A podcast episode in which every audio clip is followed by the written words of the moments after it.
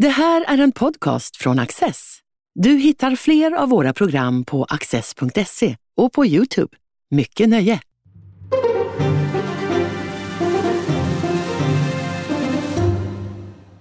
Välkomna till Studio Access och särskilt varmt välkommen till veckans gäst, Bengt G Nilsson.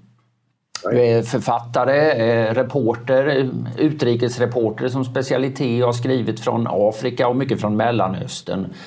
Och nu är du aktuell med boken Israel och hennes fiender som eh, berättar om konflikten mellan Israel och palestinierna men också om din egen resa i regionen och, och i frågan. Varför har du skrivit den här boken?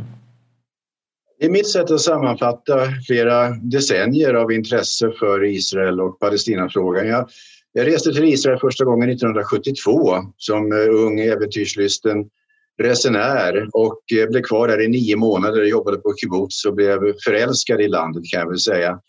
Eh, senare så började jag jobba som journalist och intresserade mig då för det som var på gång. Jag hamnade mitt i israeliska invasionen av Libanon 1982. Eh, och sen var det väldigt mycket dramatiska händelser under hela 80-talet. 1987 eh, bröt det palestinska upproret intifadan ut.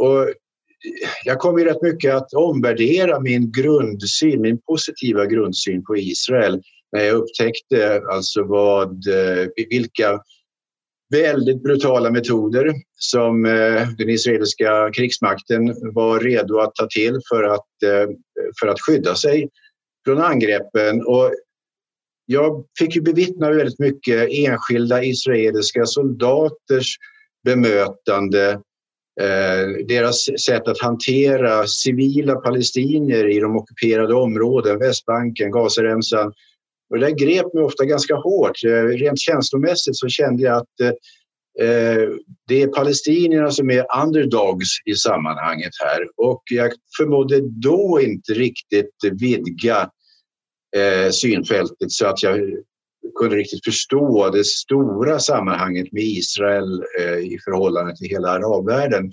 Det där mognade ju fram så småningom hos mig. Eh, när jag släppte det här väldigt eh, personliga, nästan privata förhållningssättet till frågan eh, så, så kom jag att omvärdera eh, vad Israel egentligen representerar. Israel representerar demokrati till skillnad från arabvärlden i stort som representerar despoti, förakt för demokratin.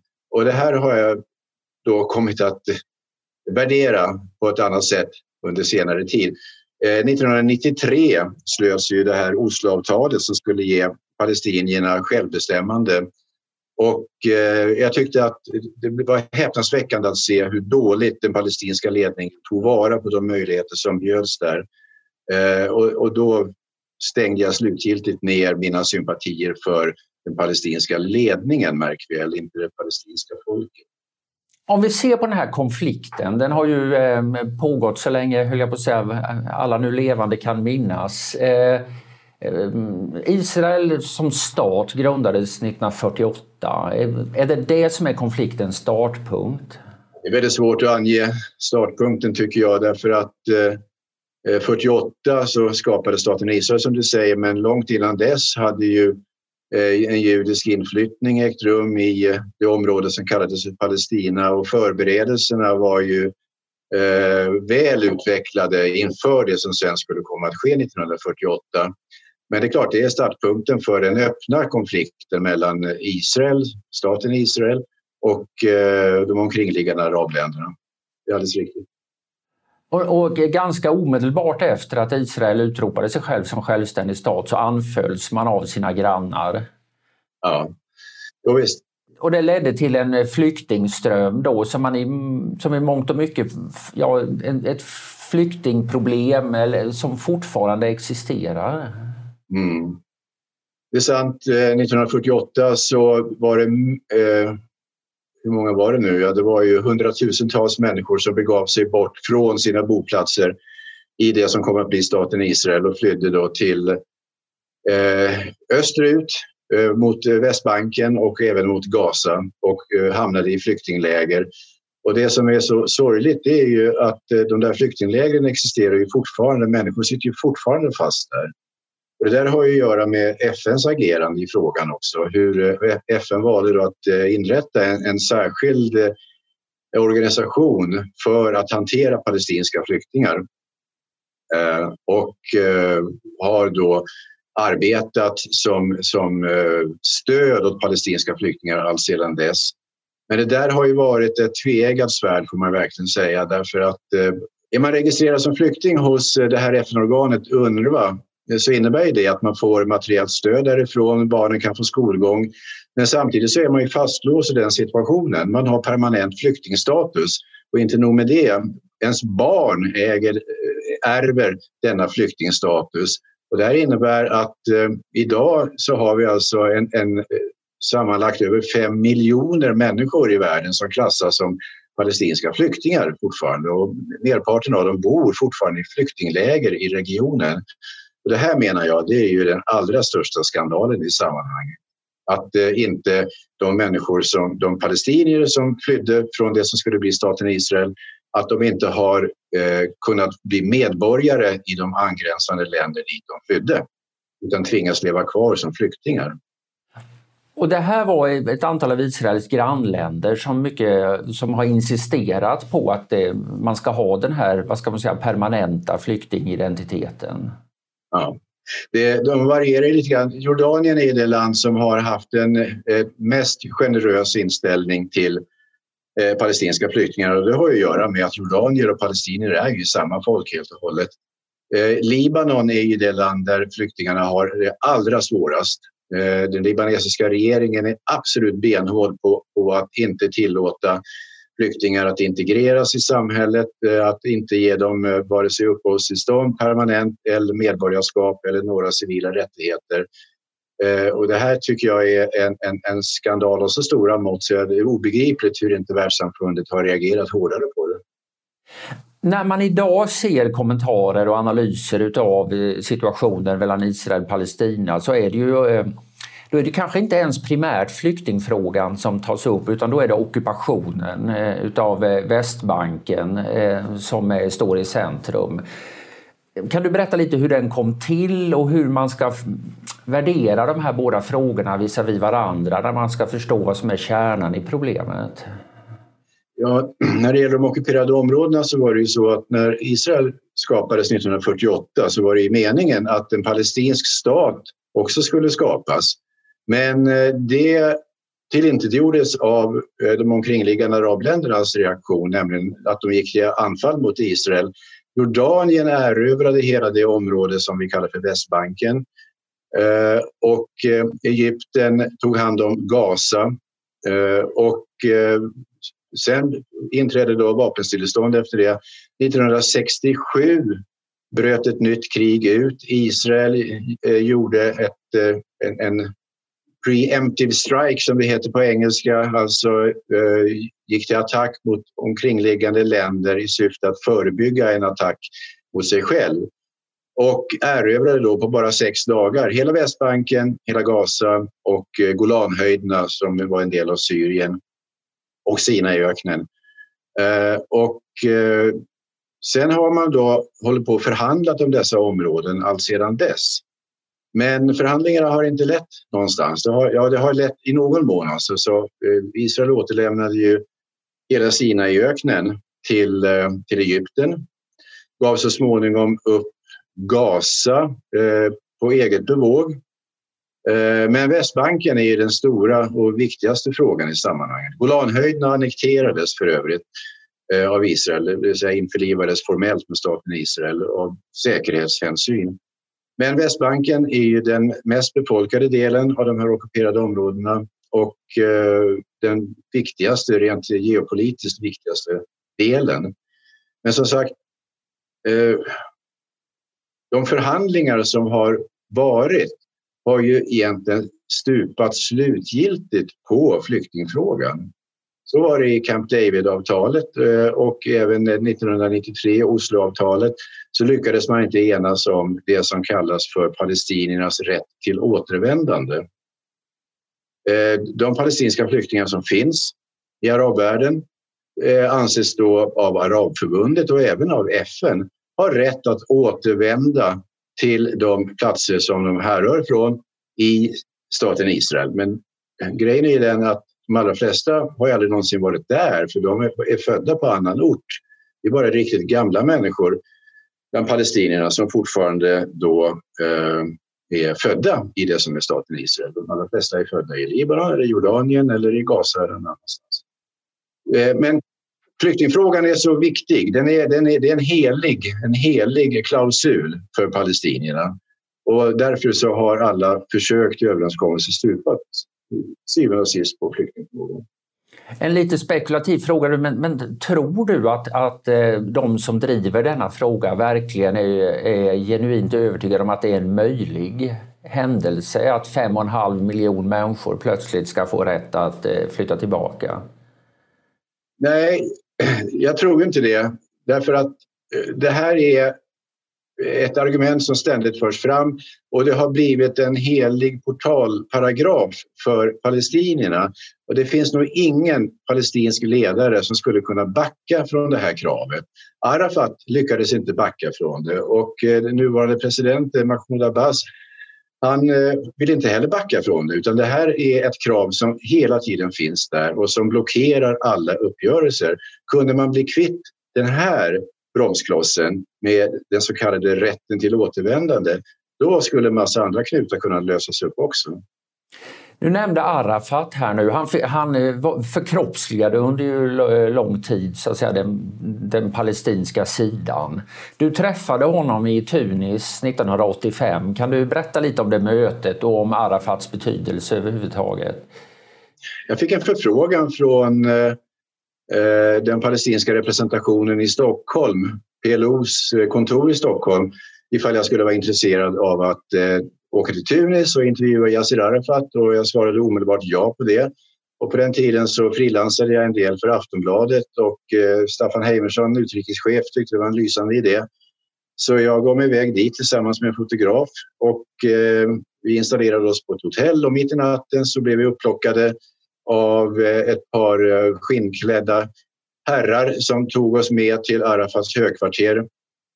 Och eh, de, vi blev sittande i ett rum och väntade ganska länge på Yasser Arafat tills han slutligen gjorde entré.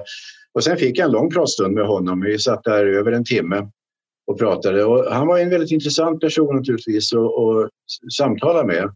Samtidigt som jag inte riktigt kunde förstå hur han hade fått status av, av den stora folkledaren, för han framstod inte för mig på det sättet. Jag tyckte nog att han hade en helt annan framtoning. Han, spontant så tyckte jag han kändes som en ganska opolitlig person. Men, vilken betydelse eh, fick han? Spelade han en positiv eller negativ roll skulle du säga för den här frågans möjlighet att hitta en lösning? Jag tror han borde ha bytts ut för alltså långt, långt tidigare därför att han eh, han, han, han kommer att representera eh, den galopperande korruptionen inom den palestinska ledningen, framförallt från 1993 och framåt, från Osloavtalet och framåt. Eh, han tillskansade sig en väldigt personlig makt i eh, det här embryot till stat som bildades i och med eh, Osloöverenskommelsen 93. Och eh, då växte ju också kritiken mot honom.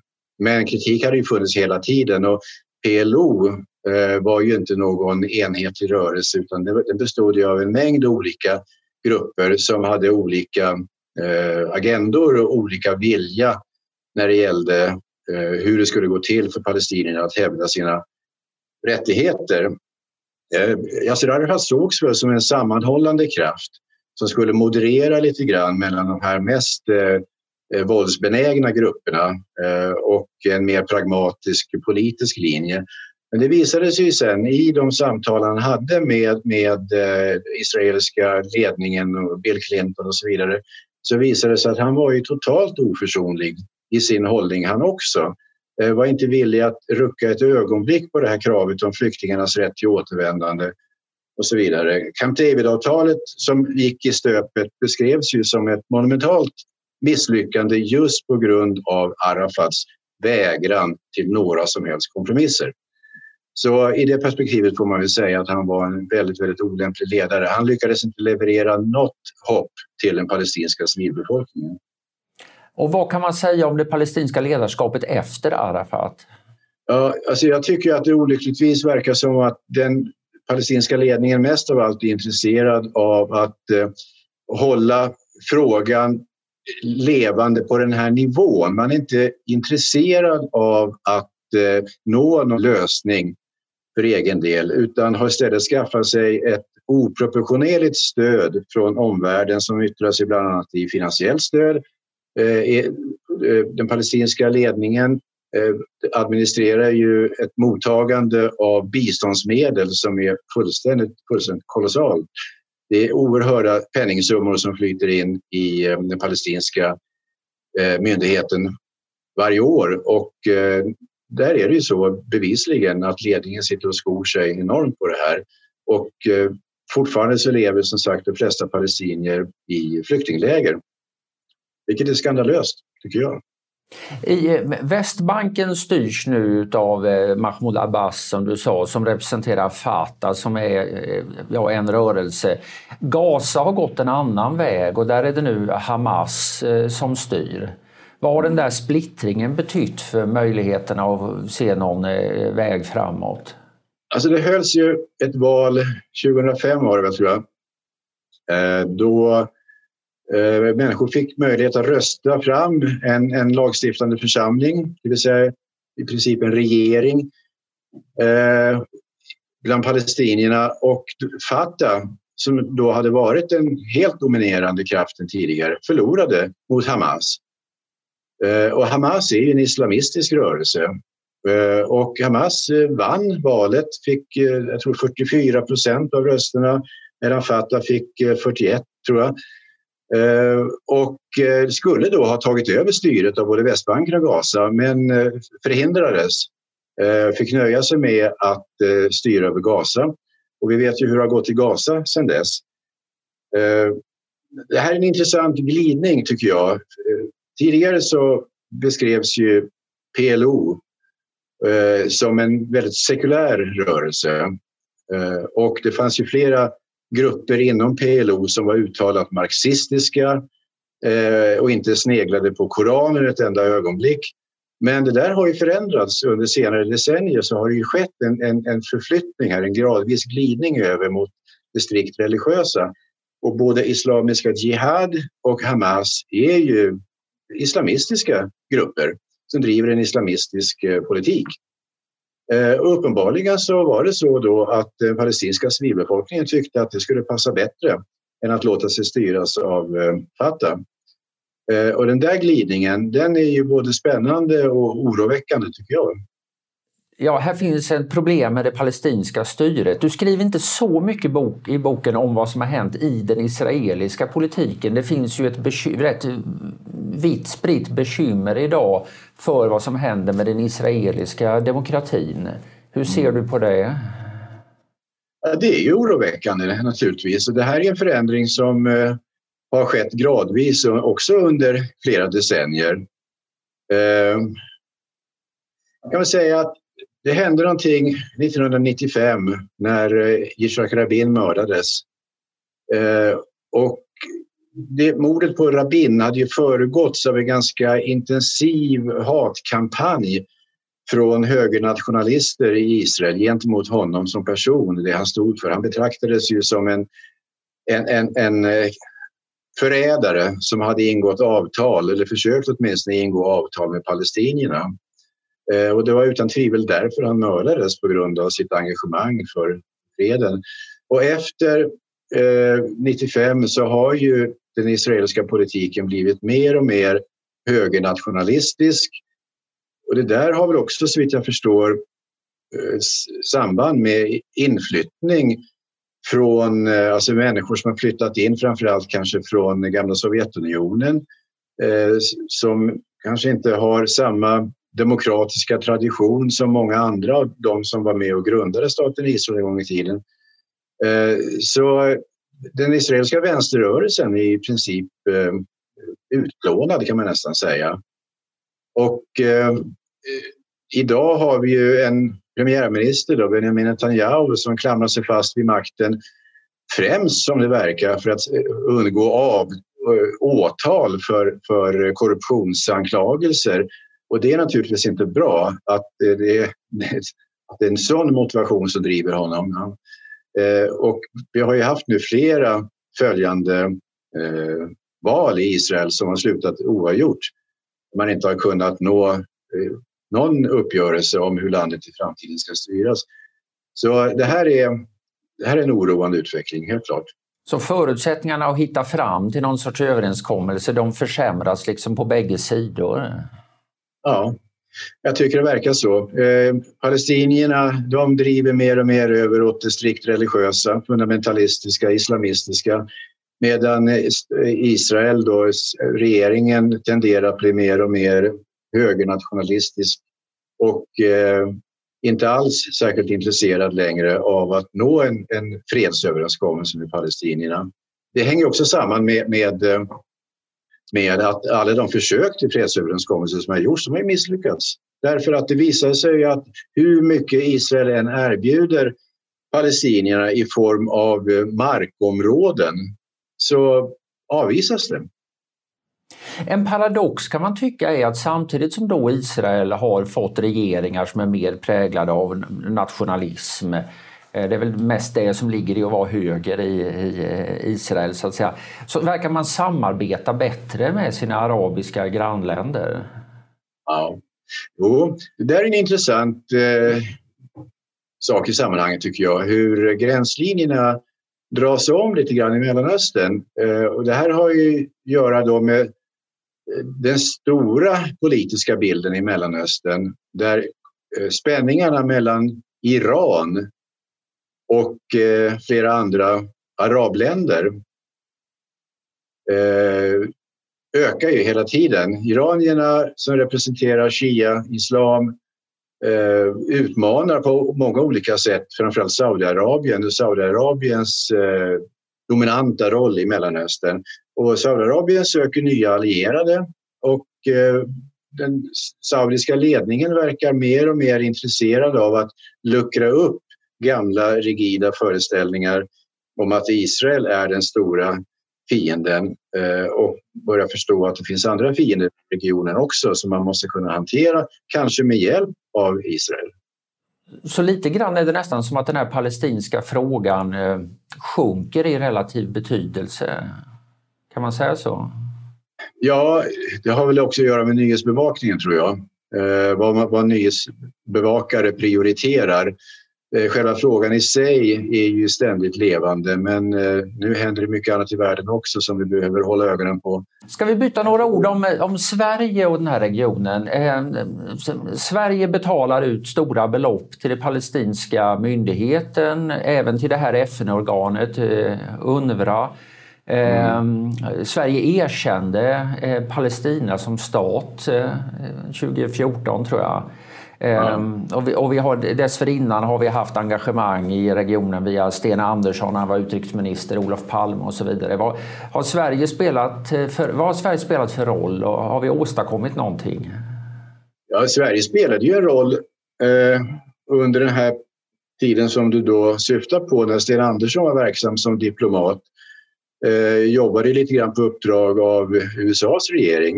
Eh, och eh, försökte då medla mellan prominenta palestinier och eh, den israeliska ledningen. Eh, sen sprack det här, eh, dels på grund av regimskifte i, eh, i Sverige. Eh, Göran Persson tillträdde som, eh, eller förlåt, vi fick en borgerlig regering som, som bara skrotade det här diplomatiska arbetet. Sen kom Göran Persson senare och försökte låsa liv lite grann i det igen men utan att lyckas. Eh, på senare tid så har vi framförallt då haft eh, Margot Wallström som utrikesminister som har eh, profilerat sig väldigt mycket som, som bundsförvant till den palestinska ledningen och fått väldigt mycket kritik för det också. Hon blev ju personen non grata i Israel på grund av sina uttalanden om, om situationen i, i landet. Senare tid har vi också vår nuvarande försvarsminister Peter Hultqvist som ju har profilerat sig som väldigt varm anhängare av eh, palestinska saker, den palestinska ledningen. Han har fått medalj av eh, president Mahmoud Abbas och, och så vidare. Så det finns ju bland svenska socialdemokrater fortfarande en stark vurm för palestinierna utan att man riktigt, tycker jag, analyserar vad det är man, man stöder egentligen när man säger sig stödja palestinierna. Det här palestinska styret, de har någonting som kallas för Martyrfonden. Mm. Kan du berätta om den? Martyrfonden är en fond som instiftades för väldigt länge sedan, redan på 60-talet tror jag någon gång. Eh, det är en, en pengafond och ur den betalas då eh, eh, stöd till palestinier som eh, eh, begår brott, häktas, döms till straff av israelerna eh, för ett brott då som, som kan klassificeras som ett, någon typ av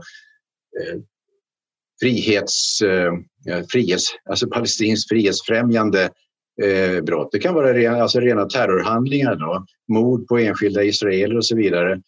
Eh, och eh, döms man för sånt i tillräckligt många år i fängelse så får man väldigt mycket pengar, eller snarare ens familj får väldigt mycket pengar.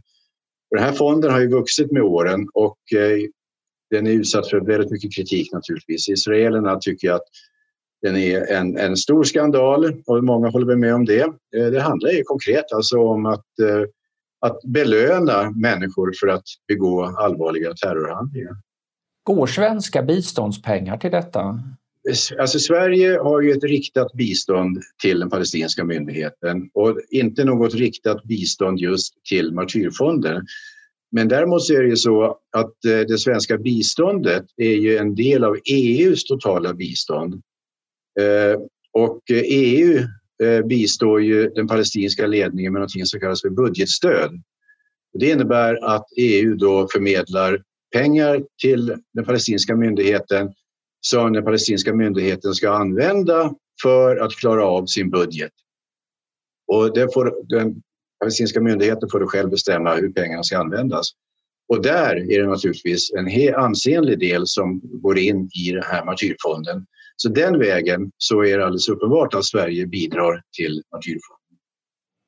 Vad, vad gör detta för konflikten?